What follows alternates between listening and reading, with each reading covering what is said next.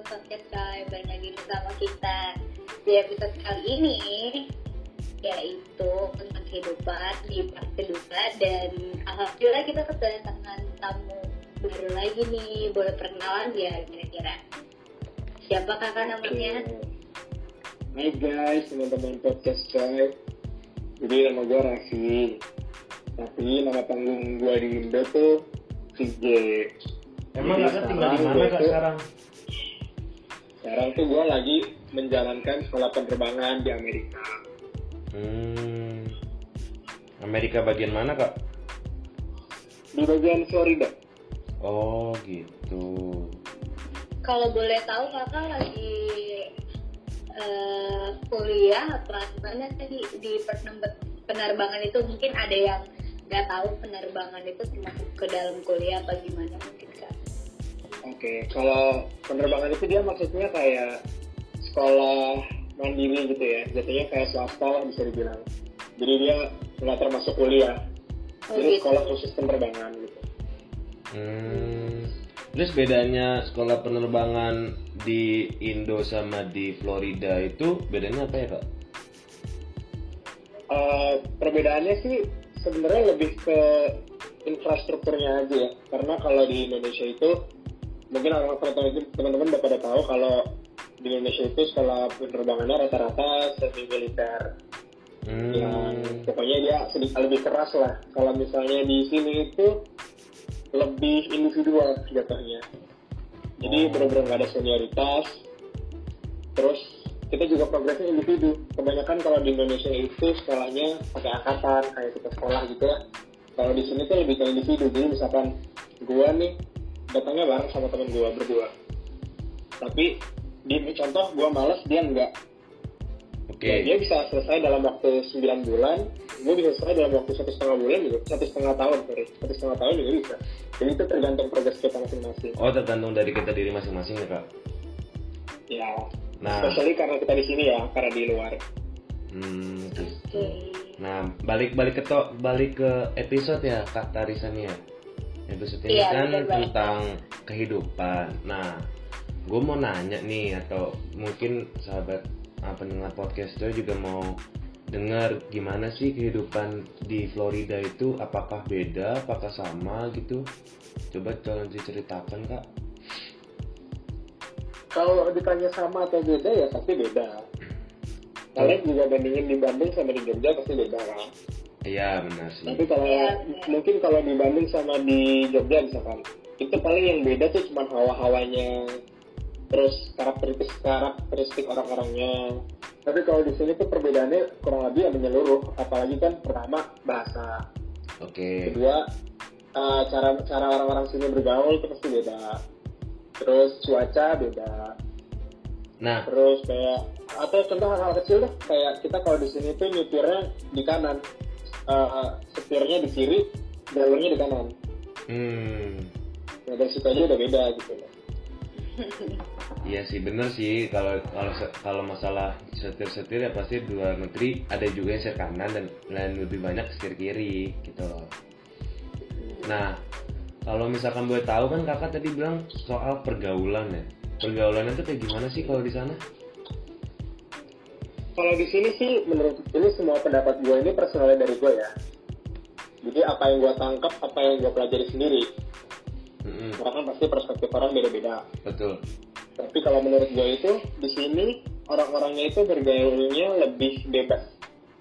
Contohnya, Jadi kayak restriction buat kayak di sini tuh party itu bener-bener kayak kalau di Indonesia mungkin kita rata-rata main party itu di klub kan.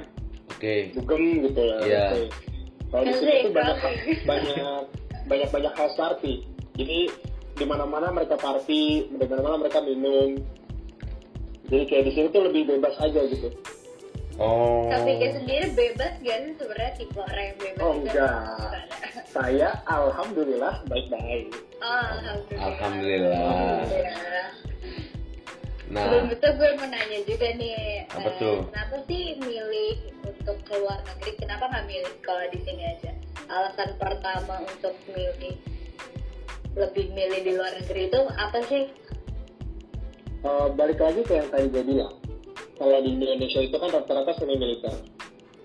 nah sedangkan gue tuh orangnya bener-bener nggak bisa dikasih perlakuan keras gitu loh Iya, ya, mungkin- boy banget dong ya. iya dong soft Gak bisa dikatain. mentalnya mungkin soft tapi yang lainnya enggak Oh gitu. jadi gini gue itu mikirnya kan emang gue ngerti banget kalau misalnya diperlakukan keras yang sampai dimarah-marahin disuruh lari itu tuh biar kita disiplin dong tapi menurut gue dengan gue pergi ke sini sendiri nggak sama orang tua itu juga udah merupakan sebuah pelatihan gue buat gue jadi disiplin. Plus gue banyak nambah aspek-aspek skill di dalam diri gue contoh gue bisa belajar bahasa gue bisa belajar bersosialisasi apalagi kan di sini sama orang lain yang benar-benar beda culture. Kalau gue bisa membiasakan hidup lebih mandiri lagi. Ketimbang kalau sekolah di sana ya cuman tiap hari kita lebih ke disiplin. Kalau di sini tuh lebih ke disiplin dan mandiri. Itu sih menurut ya. Hmm. Terus ada lagi nggak? Eh, ya paling sih kurang lebih kalau kalau ditanya kan tadi alasan pertama ya kalau alasan pertamanya sih gue bisa jawabnya ke situ karena pasti kan pertimbangannya juga banyak Iya benar. Ya. Terus kedua, kedua itu karena kalau di sini itu merupakan gimana ya? Kita kan sebutannya itu Amerika itu kayak where aviation starts gitu. Di mana penerbangan itu dimulai. Hmm. Jadi kalau di sini itu airport-airport kecil itu banyak. Kalau dibanding sama Indonesia itu beda jauh banget. Kayak kalian bandingin Bintaro. Bintaro itu mah kan nggak ada airport sama sekali. Kalau Hmm. dengan ukuran Bintaro di sini itu bisa ada 3 sampai 4 airport. Hmm. Oke. Berarti banyak dong kayak. Ya jadi lingkungan di sini emang lebih mendukung lah kalau untuk jadi penerbang gitu. Oh. Eh, ada keluh kesahnya nggak sih pas pergi di sana? Apa ya, ada hal emang bikin seneng banget bisa tinggal di sana atau emang bisa kadang sedih juga ninggalin Indonesia gitu? Apa yang dirasakan? Ya, pasti. Kalau yang namanya kita jauh dari rumah kan ya pasti kangen dong Iya dong. sama keluarga, Siapa tahu pacarnya juga kangen ya? Eh, Oh iya pasti kalau itu. emang kakak Figit punya kan- punya pacar? Ada lah. Oh ada. Oh, Alhamdulillah. alhamdulillah. Alhamdulillah iya. Under, lagi ongoing nih. Oh lagi ongoing. Ongoing. Oh, Tapi gini, kalau- ya? Mungkin Oh enggak dong. Sebenarnya Oh, juga gitu. jadian juga enggak, tapi PDKT juga udah enggak gitu loh. Oh, Jadi kita kayak, kayak gitu. oh iya mungkin taruh taruh. Oh iya taruh bener banget. Oke. Terus terus gimana tuh kesannya di sana? Eh, keluh kesah paling utamanya itu adalah di sini nggak ada warteg. Enggak ada warteg tuh. Itu aja. Karena gini, semakin lama gue di sini, gue semakin menyadari bahwa hal-hal kecil seperti warteg itu tuh benar-benar berharga buat gue. Betul. Gimana? Jadi kita mungkin kalau di sana menganggap oh, warteg sepera masih ada McD gitu. Coba sekarang lu bandingin dibalik adanya McD nggak ada warteg. Pasti kan belakangan itu. Terutama sih paling terutama sih ya selain keluarga dan teman-teman gue di sini tuh lebih kangen sih ke makanannya. Iya. Nah, itu itu kalau paling kayak sebagian besar kalau kesah gue tuh paling untuk kesahnya itu jadi makanan. Di sini tuh makanan ya gitu-gitu doang, kebanyakan fast food. Dan Tapi makan. kalau untuk Ada yang dikangenin gitu mungkin dari Indonesia. Eh, nongkrong sih. Kalau di sini itu gua nongkrong susah. Karena mahal. Pertama, karena gimana? tempatnya baru. Ya mahal satu. Pertama mahal. Kedua, karena tempatnya baru jadi gue suka bingung ah mau nongkrong di mana ya. Ketiga, temen gue terbatas. Kayak mungkin gue gue tuh ngelihatnya orang-orang di sini tuh kalau di Indonesia kan banyaknya yang kayak kafe-kafe kopi gitu kan. Iya. terus tuh pasti rame gitu. Kalau di sini tuh dari pengalaman gue ya kalau kafe-kafe gitu tuh ya isinya ya orang-orang yang udah tua. Jadi nggak ada yang remaja-remaja nongkrong di kafe itu nggak ada. Mereka tuh lebih prefer buat main di pantai atau ke klub atau house party gitu gitu Hmm. jadi kalau misalnya kita nongkrong di kafe gitu ya samping kita orang tua jadi nggak enak lah suasananya kalau buat nongkrong gitu kan. Jadi tadi itu pertama mahal sama suasananya nggak enak lah kalau dipakai nongkrong. Kalau lo sendiri lebih milih nongkrong apa lebih milih menyendiri gitu mungkin? Kalau pertanyaannya nongkrong atau menyendiri sih nongkrong. Tapi kalau pertanyaan menong- nongkrong atau stay di rumah gue pilih stay di rumah. Karena menurut gue dengan gue di rumah itu kan tujuannya bukan menyendiri. Tapi gue lebih pikir kayak di sini tuh gue kalau untuk kayak nongkrong nongkrong gitu kan keluarnya duit banyak. Tadi kan kata Vito duitnya keluarnya banyak. Jadi kayak gue mikirnya ah kalau misalnya keluar cuma buat ngisi kegabutan doang dan gue harus buang-buang duit gak worth it gitu loh. Iya bener sih. Mendingan mendingan di apartemen. Iya di apartemen kan ya di sini juga hiburan mah ada kan yang paling main game atau nonton Netflix atau di sini juga kan gue setiap apartemen itu berenam jadi nggak sendiri banget kalau misalnya di apartemen ngisi kebosanannya itu selain main apa ada lagi gitu hal yang mungkin di sana bisa dilakuin tapi di Indonesia nggak bisa dilakuin mungkin ada sesuatu yang tersendiri gitu di sana Hmm, enggak sih kegiatan gue di sini sama di Indonesia itu pas di rumahnya kurang lebih sama. Tapi tadi balik lagi ke keluh kesah. Hal positif yang gue suka di sini adalah pertama gue kan bisa explore nih karena ini sesuatu yang baru, suasana baru, teman-teman baru segala macam. Dan di satu sisi karena di sini gue sendiri, jadi gue bebas.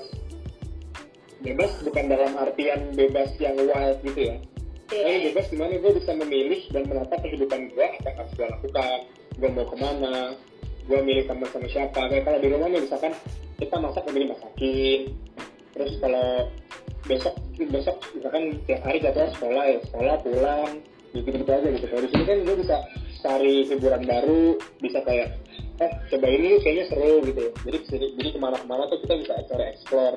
Ya lebih bebas aja kalau untuk menurut gue nah kakak biasanya nge-explore itu biasanya ke mana sih kak? Ya rata-rata sih ya tempat-tempat yang recommended gitu kan. Karena gue juga kan ada senior, ada senior tuh maksudnya para yang sama di sekolah gue, tapi dia udah lebih duluan dari gue. Ada juga teman-teman gue yang emang orang sini gitu. Jadi kita tanya rekomendasi. Ya contoh pas awal-awal tuh gue sering ke pantai. Kayak karena yang namanya Miami gitu kan pasti yang dilihat pantainya, gue coba ke pantainya. Terus gue waktu itu ke public basketball court karena kan gue orangnya pecicilan ya jadi gue tuh ke mana-mana gitu. Kan gue main basket jadi gue coba public courtnya. Itu tuh bener-bener kalau kalian pernah lihat di di, film-film ya satu lapangan tuh bener-bener rame orang ya itu begitu. Terus gue waktu itu pernah coba juga main golf. Main golf di sini gimana sih rasanya kayak kalau karena sih sebenarnya kalau yang kayak spesifik gitu karena kan di sini datarannya tuh bener-bener landai. Nggak ada dataran tinggi nggak ada dataran rendah. Jadi bener-bener landai nggak ada gunung. Jadi ya kalau misalnya emang untuk alamnya sih cuma pantai doang. Hmm. tapi gue lebih kayak mencoba melakukan hal yang gue lakukan di Indonesia. Apa sih bedanya di sini gitu loh? Hmm, nah biasanya kalau di pantai kakak biasanya ngapain sih? Apakah kalau Kalau di misalkan pantai itu kalau misalkan di Indo kan biasanya menurut cowok nyuci mata. Nah kalau kakak kalau apa itu kakak cuci mata kalau di Indo itu bukan cowok cuci mata Vito cuci mata eh. Iya benar baru mau dibilang kayak gitu. Cuci mata apa gitu maksudnya Vita cuci mata kalau di um, pantai itu gini sih sebenarnya. Kalau gue ya gue tuh menganggap karena tadi gue bilang pantai itu adalah satu-satunya tempat yang alam gitu. Itu tuh satu-satunya jalan kalau gue lagi benar-benar penat untuk gue refreshing itu gue ke pantai. Hmm, jadi gue cuman gue parkir nih terus gue ke pantai lepas sepatu duduk bentar habis itu ritual gue setiap gue ke pantai itu. Gue nyemplungin kaki kayak cuci kaki cuci kaki gitu. Dengerin lagu pakai airpods. Terus gue udah menikmati aja pemandangan. Emang? Sekarangnya ke laut ya bukan ke orang-orang lain ya. Gue gue menikmati pemandangan laut. Emang kakak biasanya eh, di biasanya kan di pantai nih itu sendiri apa sama teman-teman apa gimana? Sama teman-teman. Oh, biasanya biasa- kan eh, sama kebetulan teman-teman. gue yang di apartemen gue ini orang Indonesia semua. Jadi tuh kita suka janjian. Eh hari ini ke pantai yuk lagi pada mau ikut semua nggak? Dia yang nggak ikut ikut. Oh. Jadi kalau mbak sendiri ya kadang kayak kurang kerjaan aja gitu terlalu gabut. Kalau gue sih ya gue suka gitu ngomong-ngomong temen nih eh, pasti kan pas di sana ya, apalagi dari Indonesia bertemu dengan yang di luar dan sekitaran Indonesia itu ada hal baru yang yang lo ketahui nggak? Kayak misalnya sama suka gosip atau kompetitif orangnya kayak gitu gitu ada nggak sih perbedaannya? Eh, pasti ada. Tetapi yang perlu digarisbawahi adalah di sekolah pilot ini teman-teman gue itu nggak seumuran. Hmm, ada yang udah 26an ada yang udah 27 28 tapi ada juga yang 22 21 kalau gua kan masih 20 19 malah 20 itu tuh termasuk masih muda kalau di sini. Makanya kadang-kadang kadang-kadang kalau misalnya kita lagi bergaul gitu omongannya udah beda karena mereka tuh udah dewasa gitu loh omongannya dan rata-rata tuh banyak yang karena mereka tuh udah kuliah dulu. Kalau gue kan lulus SMA langsung ke sini. Kalau mereka tuh rata-rata udah kuliah dulu jadi mereka langsung tuh cuma fokus aja. Mereka nggak pakai explore mereka cuma fokus mau jadi penerbang terus udah gitu. Jadi emang nggak banyak bergaul. Hmm, tak berarti kan di sana kan ah ah iya gue mau nanya dong. Di sana tuh rata-rata bukannya gue ini ya bukannya gue rasis ya. Di sana tuh kebanyakan kulit putih apa kulit hitam sih kak? Sini sebenarnya macem-macem sih. Karena yang banyak tuh orang-orang Amerika Latin Latina. Ya Amerika Latin kan gue nggak tahu tuh. Ah, orang-orang Amerika orang-orang Latin tuh. hitam ada. Tapi orang-orang Cina juga ada. Jadi benar-benar emang macam-macam apalagi kan khususnya gua karena di sekolah pilot jadi itu kan merupakan sebuah pekerjaan yang yang universal jadi gua emang ketemu orang-orang dari berbagai negara. Oh, kalau menurut menurut kakak nih lebih asik lebih asik orang it, orang orang mana? Orang hitam apa orang putih apa orang Chinese itu? Kalau di sana. Ya. kan enggak, gue bukannya mau rasis, gue pengen nanya aja gitu loh. Kan gue yang gue tahu tuh orang hitam tuh bukannya rasisnya, Wah, orang hitam tuh kayak sombong atau apa gitu loh. Mungkin Kak Vige mau ngasih masukan gitu gimana kan kakak kan udah berlam, berlama tuh di sana di Florida itu. Tuh. Nah, sebenarnya kalau dibilang sombong enggak enggak ada yang sombong jadi kalau mungkin ya kalian sebenarnya sering lihat di film-film kalau orang-orang hitam tuh mungkin image-nya kayak yang uh, jelek-jelek yang lega yang sorry to say yang narkoba segala macam tapi sebenarnya itu adalah public image aja. Balik Oh. lagi itu tergantung ke orang-orangnya masing-masing. Jadi kalau orang-orang hitam itu personally menurut gua orang-orang yang lebih seru. Karena mereka tuh bener-bener yang ngejokes kayak kalau kalian kalau kalian nonton film-film ada jokes jokes itu itu tuh bener-bener diterapin. Nggak cuma buat film doang hmm, kalau kayak gue tuh juga kenal sama orang-orang Turki orang-orang Turki tuh bener-bener yang ambis bener-bener belajar mulut kerjanya oh, nah kalau kalau di sekolah gua orang-orang Cina itu jarang bersosialisasi jadi kayak kadang-kadang tuh kita sering grouping juga gitu kalau yang orang Cina sama orang Cina ada orang Indonesia sama Indonesia ada tapi di sana enggak? gitu masih masih ada kayak gitu Oh, ma- masih ada kayak gitu. Hmm. Tapi kalau uh, di sana tuh orangnya welcome apa enggak sih? Oh, welcome banget. Jujur, kalau di sini, kalau dibanding Indonesia ya, di sini orangnya welcome banget. Menurut gua, balik lagi menurut gua nih ya, kalau misalnya salah ya.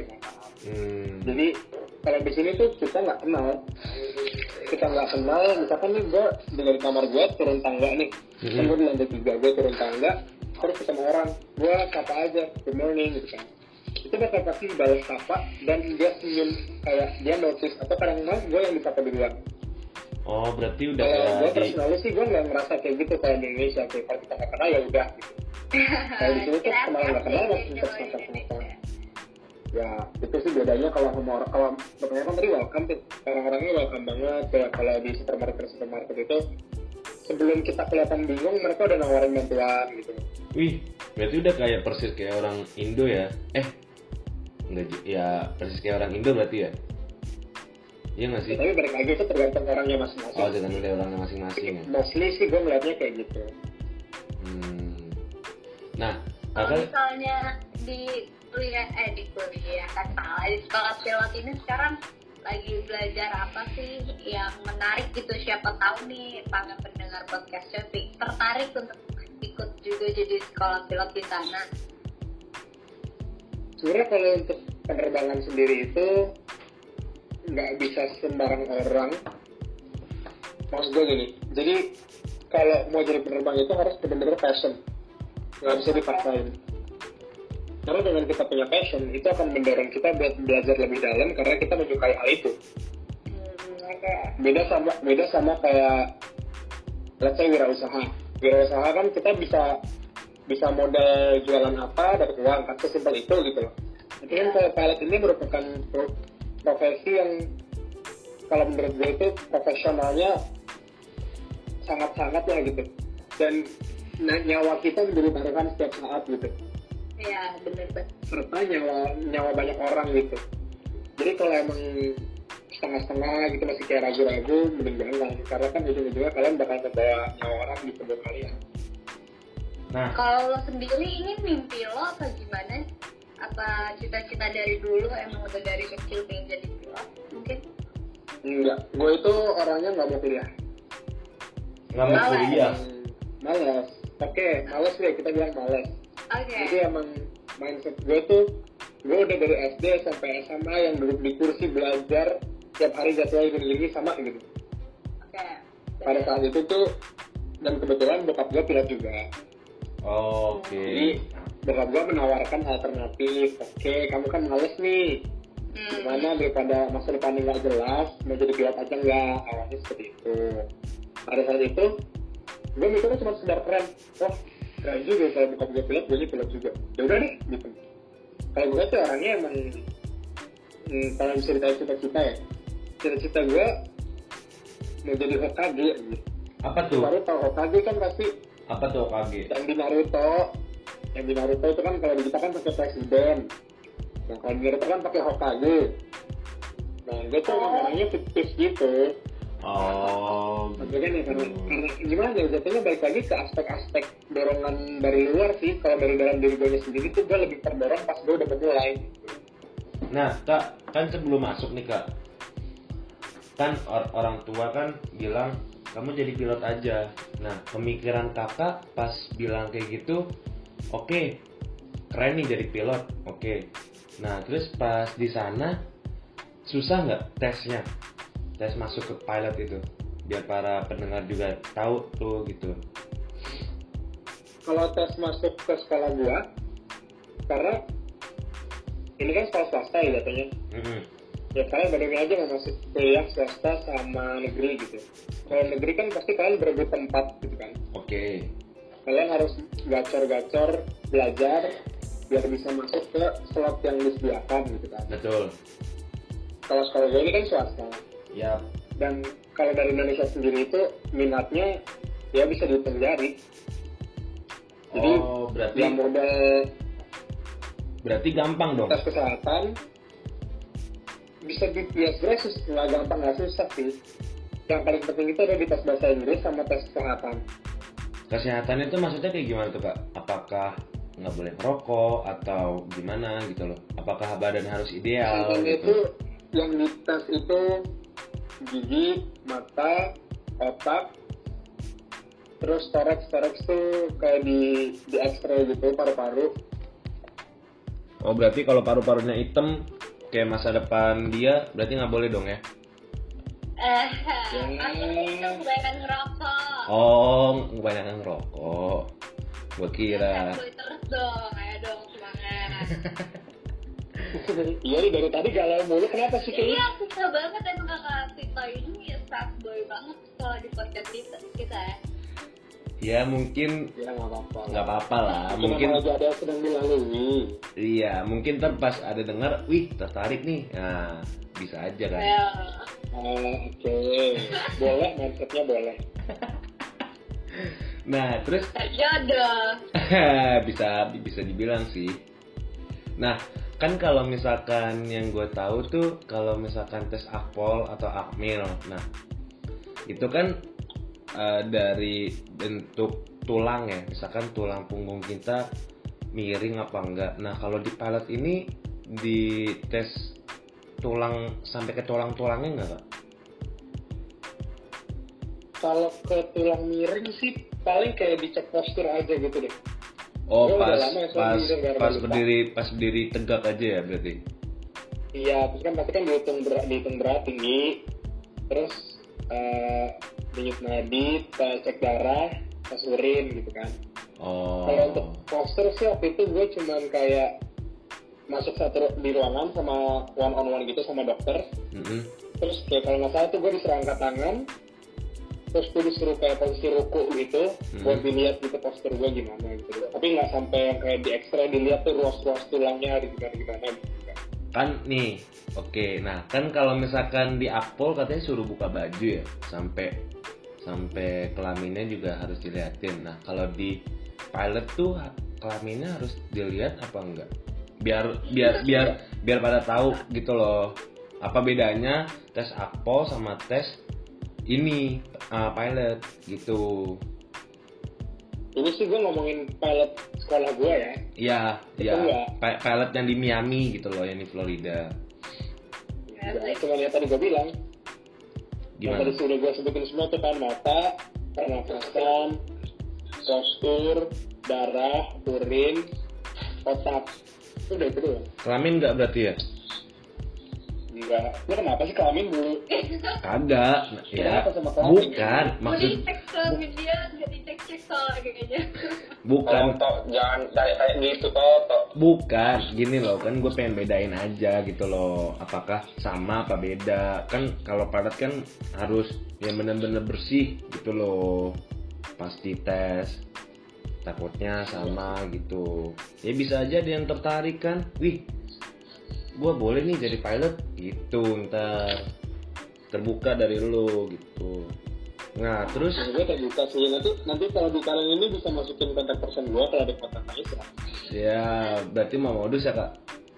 Tanya-tanya soal pilot loh oh tanya-tanya tentang pilot. Gua kira tanya-tanya tentang Gimana kakak jangan Iya, lupa ya, kalau-.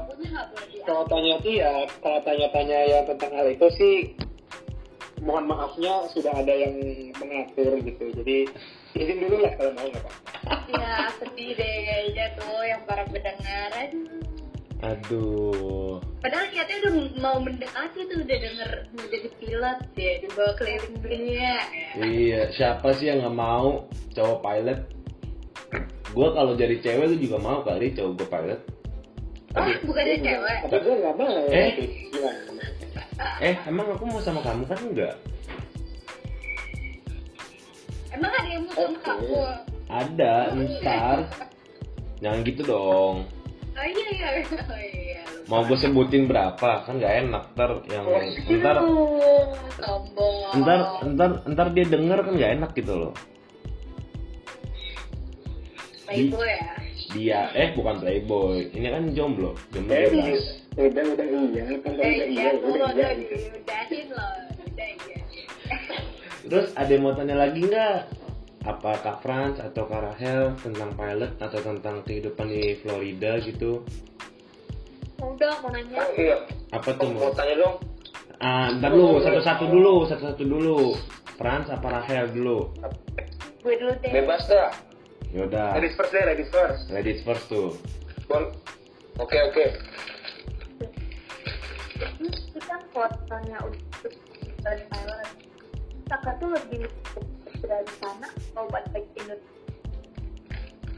Eh, itu sih salah satu positif hal positif dari gua milih sekolah di luar itu karena nanti ketika gua lulus gua dapat lisensinya dua dapat lisensi luar sama lisensi Indonesia jadi kalau emang gua memutuskan untuk kerja di Indonesia ya gua bisa balik. Nanti tinggal gua convert dan gue bisa tapi amit-amit nih amit-amitnya gue nggak bisa kerja di Indonesia. Ya gue bisa keluar lagi dan pakai lisensi luar gue buat kerja di luar.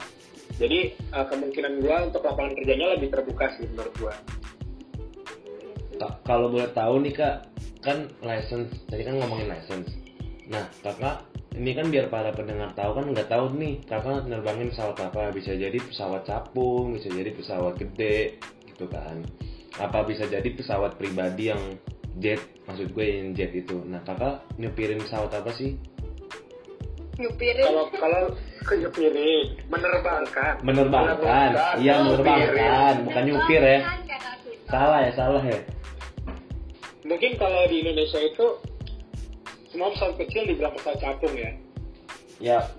Oke lah kita pakai pesawat capung. Ya gue terbang pesawat capung. Kalau emang menurut mindset orang-orang di orang-orang pendengar kalau misalnya mereka orang-orang yang dengar itu pesawat capung itu pesawat kecil. Ya gue terbang pesawat kecil. Yang penumpangnya itu cuman kursinya tuh cuman yang dua sama yang empat. Oh jadi karena kan jatuhnya kalau kenapa terbang pesawat kecil dulu? Karena ibaratkan kalian mau belajar mobil kalian pasti kan belajarnya dari yang manual dulu. Nanti kalau udah bisa yang manual udah bisa basicnya baru kita yang masuk otomatis nggak juga. Kan notabene yang otomatis kan lebih gampang. Nah ini logika pada dasarnya gitu. Nggak juga ah. aku jadi belajar. aku belajar dari metik dulu bukan manual. Kamu bandel soalnya. Oke oke lanjut. Iya, jadi kayak ya, karena kita terbang pesawat kecil dulu yang bener-bener pakai instrumen. Jadi kalau kalian tahu tuh kayak ada pencetan-pencetan, tombol-tombol, kayak ada kompas di dalam pesawat itu namanya instrumen sebutan. nah itu Jadi instrumennya kecil yang ins- instrumennya yang paling basic. oh Jadi kita kita tahu benar-benar gimana cara kerjanya, gimana cara mengoperasikannya dari yang basic. Otomatis nanti dengan kita makin terbang pesawat makin besar makin besar kan teknologinya semakin bagus. Itu jadi lebih gampang. Kita tinggal mengembangkan pengetahuan kita tentang si instrumennya itu. Yang penting kita basicnya udah dapet gitu. instrumennya emang sama kak pesawat kecil sama pesawat gede Eh, basicnya sama, oh cara kerjanya sama, basicnya sama. Tapi bandingin aja kayak jam arloji yang digital terus Apple Watch gitu. Hmm, hmm. Jadi kayak ada jadi makin ke sana tuh kan ya sama dong jam itu buat kita ngeliat jam, ada jarumnya, ada angkanya. Tapi kan formatnya beda, ada yang digital gitu. oke ada lagi yang mau ditanya kak Rahel apa apa sudah menjawab Tadi Kak Franz tuh tadi mau nanya katanya. kak Franz Oh iya, eh, mau bertanya, itu kan kalau di sekolah pilot kan terdiri dari beberapa banyak eh, teman kan dan berbeda-beda negara tuh. Kalau gue boleh tahu, itu teman-temannya rata-rata dari negara mana aja tuh?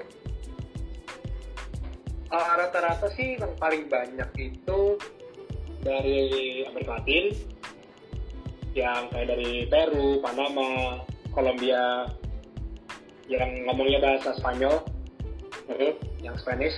Terus yang banyak juga itu kalau di skala gue specifically itu orang kadet-kadet dari Cina. Jadi kenapa gue bilang kadet? Karena jadi mereka tuh udah dikontrak sama airlines, mereka udah dibayarin buat sekolah di sekolah gue. Nanti setelah mereka lulus, mereka balik langsung kerja jadi airliners. Jadi itu udah ada udah ada kayak kontrak tersendiri sama sekolah sama pihak airlines ini. Gitu. Makanya bilangnya sebutannya kadet. hmm, kalau boleh berarti tahu impian lo itu buat dikontrak di airplane mana tuh? Airlines maksudnya. Iya di penerbangan mana? Uh, kalau- insya Allah sih yang gue dambah-dambakan sih ya Air Asia. Gue mau pulang ke tanah air, terus gue mencoba daftar ke Air Asia karena bokap gue kerja di Air Asia. oh Jadi kayak lebih gampang lah kalau misalnya apa-apa tuh daripada gue WhatsApp instruktur, yang mendingan gue ke kamar bokap gue aja. Iya benar. iya sih. Ada yang mau tanya nggak? Nih gue mau nanya nih sama kak VG ini. Kak. Kak mau nanya nih kak. Apa-apa? eh apakah pesawat itu membutuhkan kunci? Kayak kayak di mobil nih kayak di mobil tuh kan. Kan kalau kita mau nyalain mobil kan harus pakai kunci. Apakah pesawat membutuhkan kunci apa nggak buat nyalain pesawatnya itu Butuh. Hah? Butuh, butuh kunci. oh butuh kunci juga Iya. oh berarti kayak Dan kita tuh pas kita nyalain kita sama kayak mobil Oh. Neng. Habis itu baru baru muter baling-balingnya Oke, nah terus gue mau nanya lagi nih kak. Kakak kan pasti kalau terbang harus di flight mode kan? apa tuh maksudnya Ah, misalkan, misalkan ntar nih pas pas ntar kakak udah nerbangin pesawat gede, itu kan pasti kan kakak udah udah mempelajari tentang ah, ah, kenapa penumpang harus flight mode, harus meng- mengaktifkan flight mode di di apa di HP. oh flight mode. Ah, ah, kayak nah, airplane mode. Ya airplane mode. Airplane mode. airplane mode. Kok flight mode sih? Ah, nah terus uh, apa yang akan terjadi kalau misalkan ada salah satu penumpang yang enggak yang mm, yang enggak nyalain airplane mode itu. Karena sebenarnya gini kita menyala jadi fungsinya menyalakan airplane mode itu adalah kan yang namanya telepon itu kan pakai sinyal loh oke sinyal ya sinyal pakai sinyal. Ya jadi uh, handphone itu mengirim sinyal ke satelit satelit mengirim balik. Oke. Nah kan pilot itu untuk kita bisa bergerak ya. Entah itu kita lagi di terbang atau kita lagi di masih di area airportnya kita mau kalau kayak kita jalan itu kita sebutannya taksi. Ya. Entah kita lagi taksi atau tentang kita lagi take off atau kita mau landing. Ya. Itu kan kita selalu berkomunikasi sama tower. Ya. Nah jadi dan tower ini juga mengeluarkan frekuensi sinyal juga kan? Ya. Nah, kenapa orang harus menyalakan airplane mode? Karena ketika misalkan semua orang nih, semua orang nggak nyalain airplane mode. Semua Mhm. orang, semua HP setiap orang itu tuh transmit sama receiving sinyal dari satelit.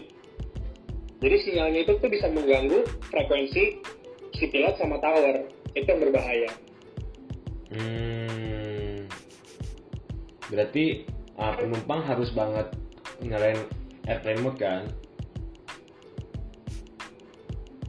Ya untuk kenyamanan diri sendiri, apalagi kan sekarang juga kalau masalah hiburan kan airline Life itu sudah menyediakan apa musik, film gitu loh. nah Tapi enggak kok kalau di atas kan juga beberapa pesawat yang pakai wifi. oke nah gimana Kenapa? Karena sebenarnya waktu-waktu krusial itu Heeh. kalau disebutan itu namanya sterile cockpit ya. Kalau Ya. gue ya, kalau gue itu kan terbang pesawat kecil, ada namanya sterile cockpit, ya di mana ada eh, T3, ada tiga komponen tiga waktu yang itu kita harus benar-benar steril.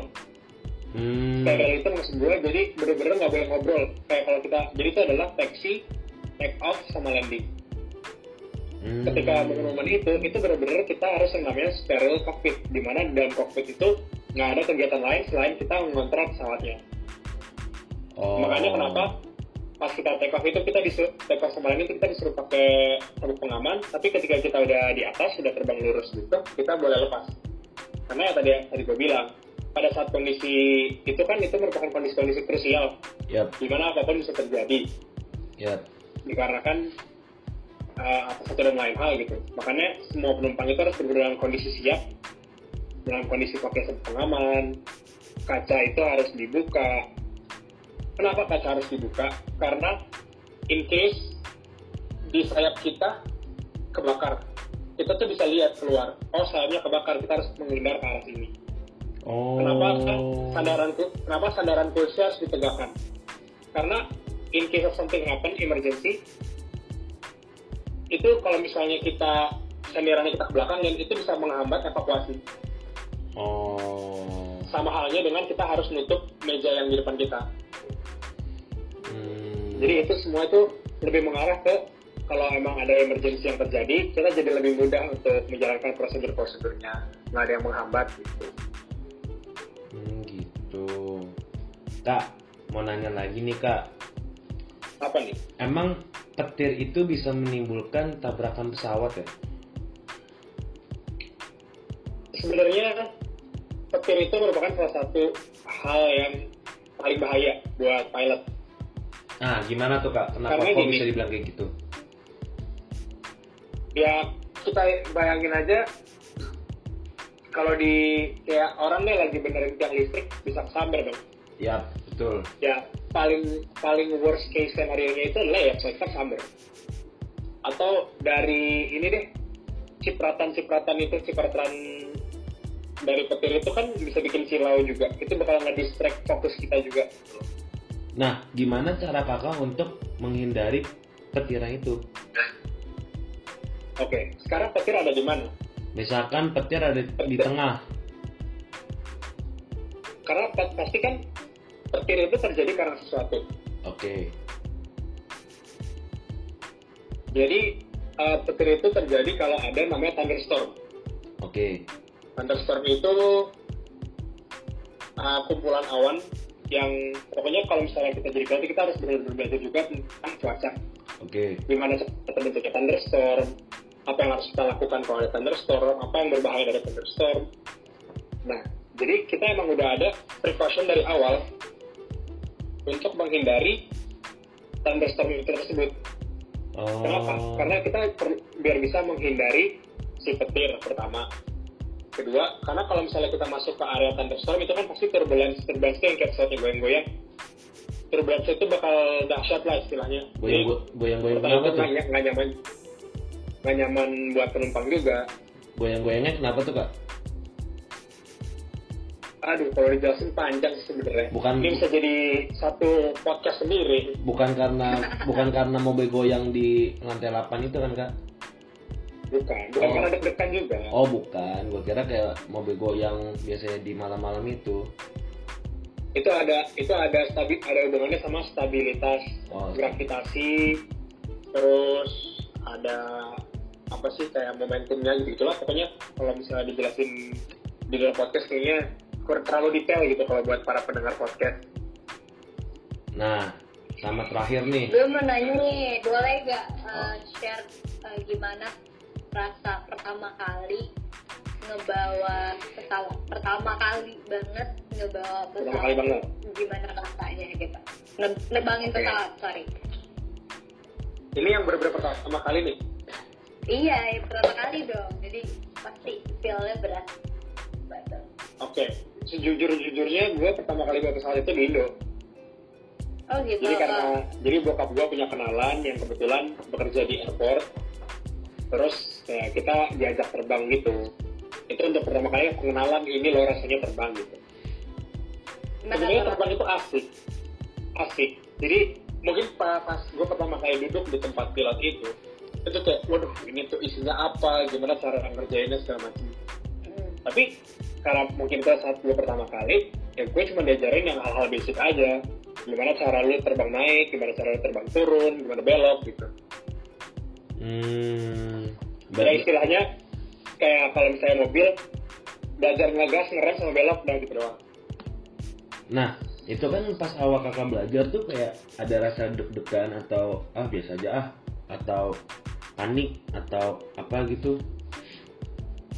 deg-degan sih pasti ada tapi bukan deg-degan takut kalau gue kalau gue lebih kayak deg-degan karena gue excited Hmm. Karena- menurut gue les terbang itu merupakan sesuatu yang ya mungkin karena udah di passion gue juga. Kayak gue menunggu-nunggu saat gue terbang.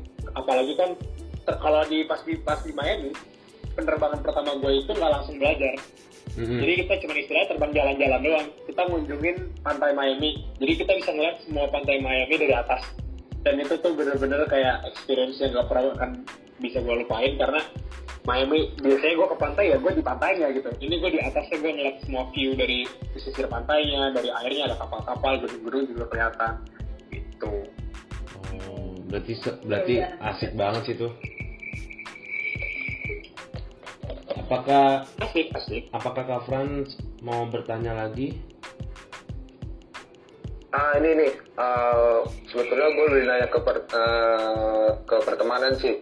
Nah, gue tadi kan Kak VG nyebutin kalau ada banyak eh, dari beberapa banyak negara yang sekolah di pilot. Eh, lu- Kak VG sendiri lebih banyak berteman ke lebih banyak berteman ke negara mana nih?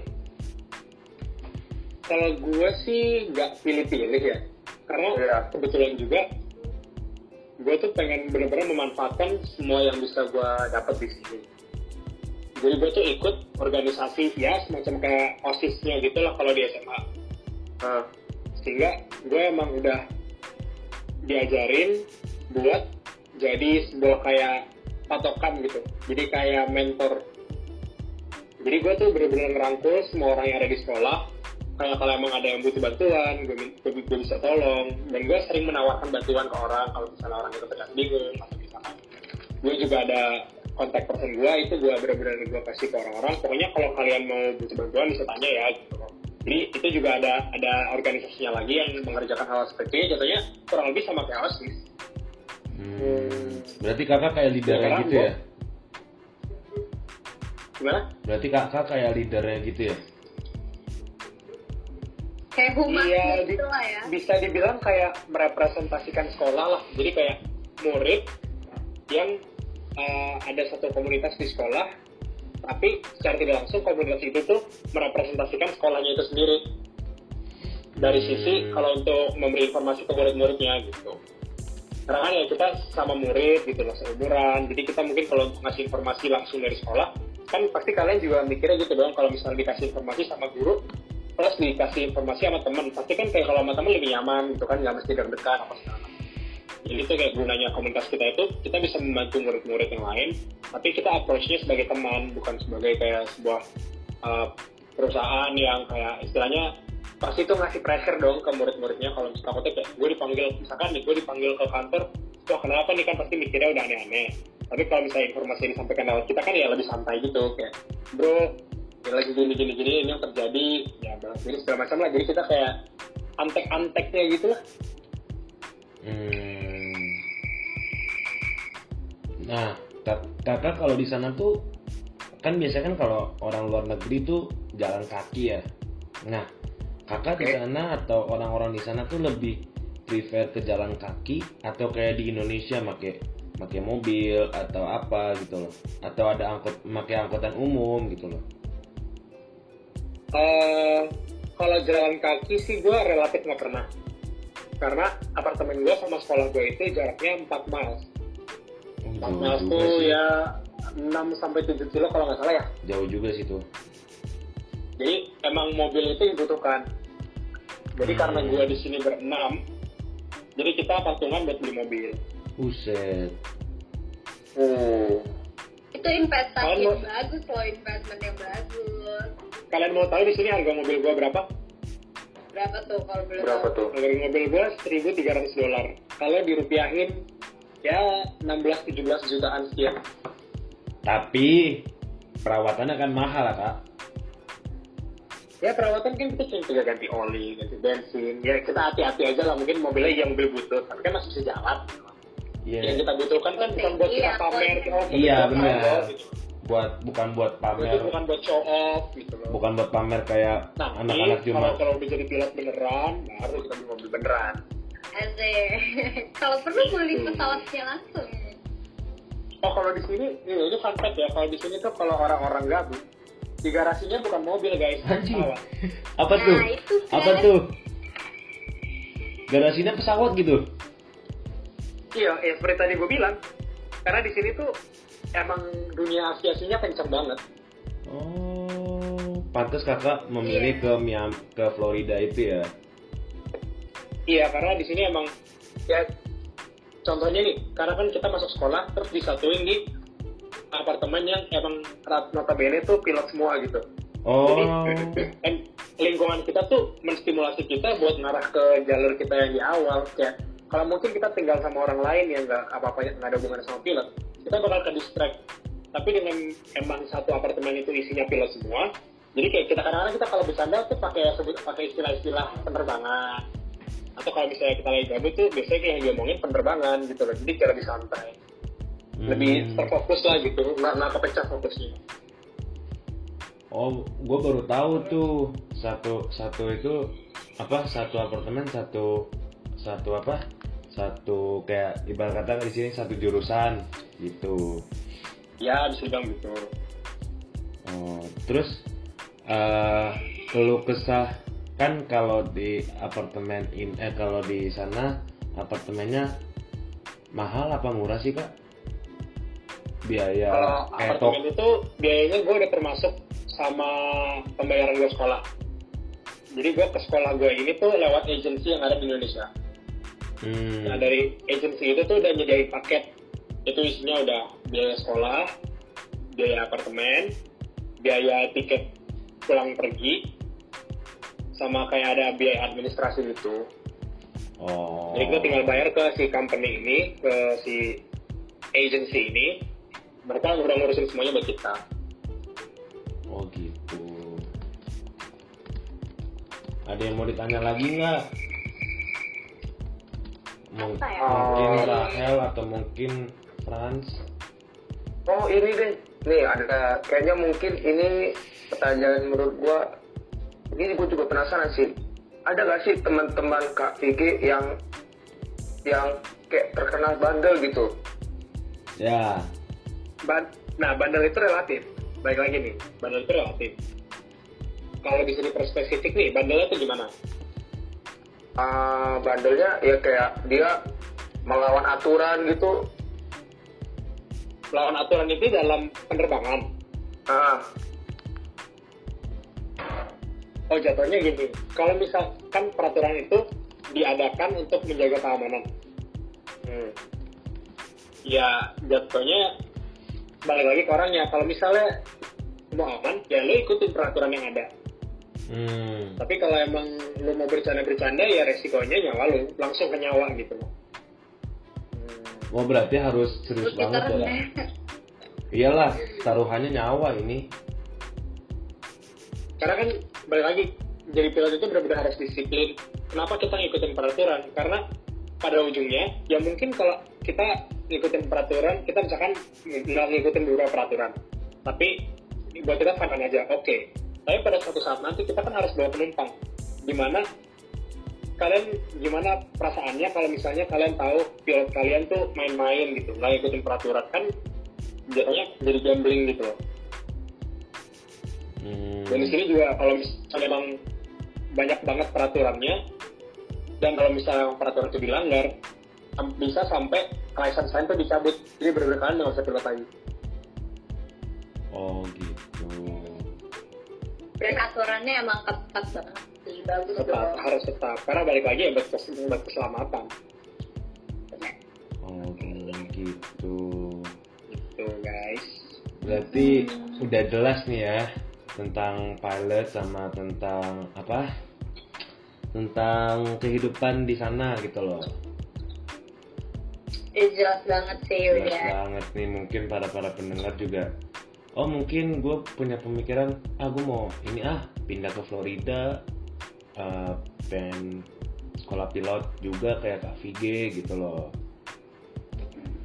Nah. Tapi untuk sekarang-sekarang ini jangan ya guys iya maksud kita iya stay at home dulu. Iya, stay at iya home. stay at Stay home at home dulu. Betul daripada terkena corona kan gitu loh. Nah sebelum penutup pokoknya gini aja kalau misalnya ada mau yang ditanya-tanya nanti mungkin di podcast ini bisa ngasih ini ya bisa ngasih Instagram gua mungkin ya. Ya ntar dikasih pokoknya kasih biar Instagramnya bisa mau tanya-tanya langsung.